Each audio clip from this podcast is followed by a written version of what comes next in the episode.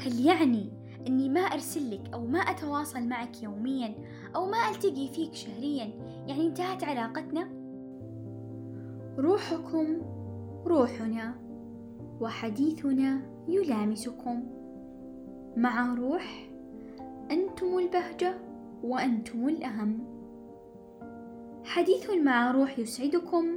معي أنا عائشة الماس أهلا وسهلا ومرحبا بكم في بودكاست روح. أتمنى أن تكونوا في أفضل حال وفي صحة وعافية. روحك غالية جدا لذلك اهتم فيها. قبل ما نبحر معا أبغاك تبتسم. ابتسمت؟ يا لها من ابتسامة. تعرف أن الابتسامة هي نوع من التواصل؟ وحتى عيونك لها لغة تواصل؟ التواصل ما هو محدود برسالة أو لقاء. التواصل أعمق أرقى أقوى. تعرف ليه أقوى؟ لأنه الحبل الرفيع في علاقتك بأي شخص. هو الجوهر اللي يربطك فيه. لذلك تواصل الإنسان بالإنسان ما يحكمها لا لقاء ولا رسالة. بشاركك موقف صار لي. ومتأكدة صار للكثير. كلنا عندنا برامج التواصل الاجتماعي بأشكاله وأنواعه المختلفة ولكن بالتحديد سناب شات. لكل شخص حياة مليئة بالأحداث والانشغالات وفيه منا من يحب يشارك ويصور لحظة بلحظة وفيه اللي يشارك اللحظات المميزة بحياته ولكن بشكل غير منقطع وفيه اللي يشارك قليل جدا. وهو أنا منهم. لا أطيل عليك. ورد لي سؤال من أحد الأشخاص المضافين وفحواه كان هل أنا مخصصته أو لا؟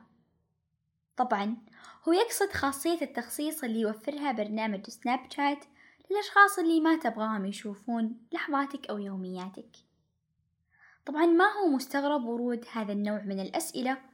للأشخاص اللي مشاركتها على برامج التواصل الاجتماعي قليلة إما لانشغالها أو لعدم استخدامها لبرامج محددة بكثرة العجيب بالأمر أنه أصبح التواصل مرتبط بهذه البرامج هل يعني أني ما أرسل لك أو ما أتواصل معك يوميا أو ما ألتقي فيك شهريا يعني انتهت علاقتنا؟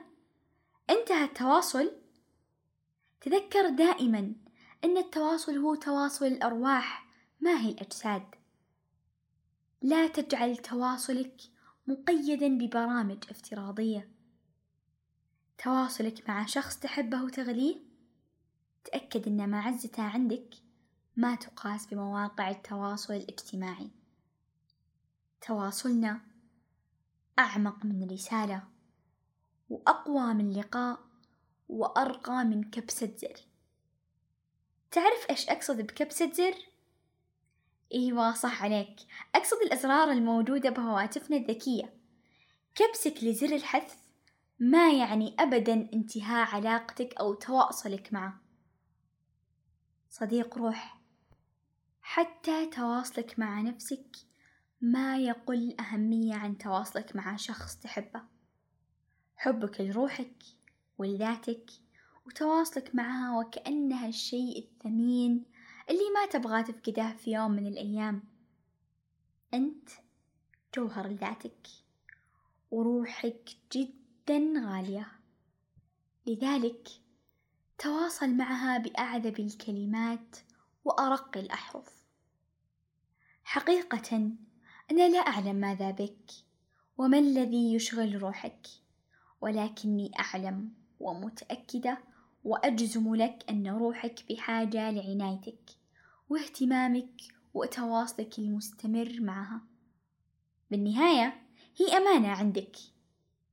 الله عندما قال في كتابه الكريم ونحن أقرب إليه من حبل الوريد الله معك ويسمع روحك وما تتمنى. لذلك لا تنسى أن تواصلك مع الله هو أنقى أنواع التواصل. خالقنا يعلم ما يكن به صدرك. الله معك وقريب منك جدا.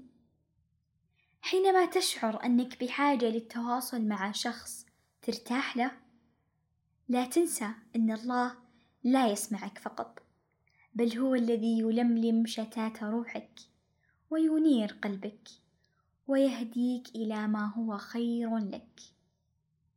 تذكر؟ مهما تباعدت المسافات هناك من يبقى صديقا للروح ووطيدا ومتمسكا بالتواصل معك. ولكن أسماها هو تواصلك مع خالقك الذي يعلم صميم قلبك. يا مبتسم أما زلت مبتسما؟ ابتسم وتمسك أولا بتواصلك مع الله واجعل تواصلك كالحبل المتين مع الأحباب بل وأعمق لأن أساسه هو روحك المشرقة المودعة عندك. ولا تنسى الأهم ذاتك النيرة.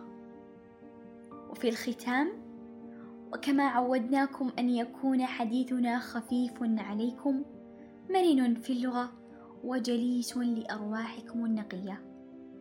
أستودعكم الله الذي لا تضيع ودائعه. وحفظكم أينما كنتم. نلقاكم في سرور بإذن الله في الحلقات القادمة.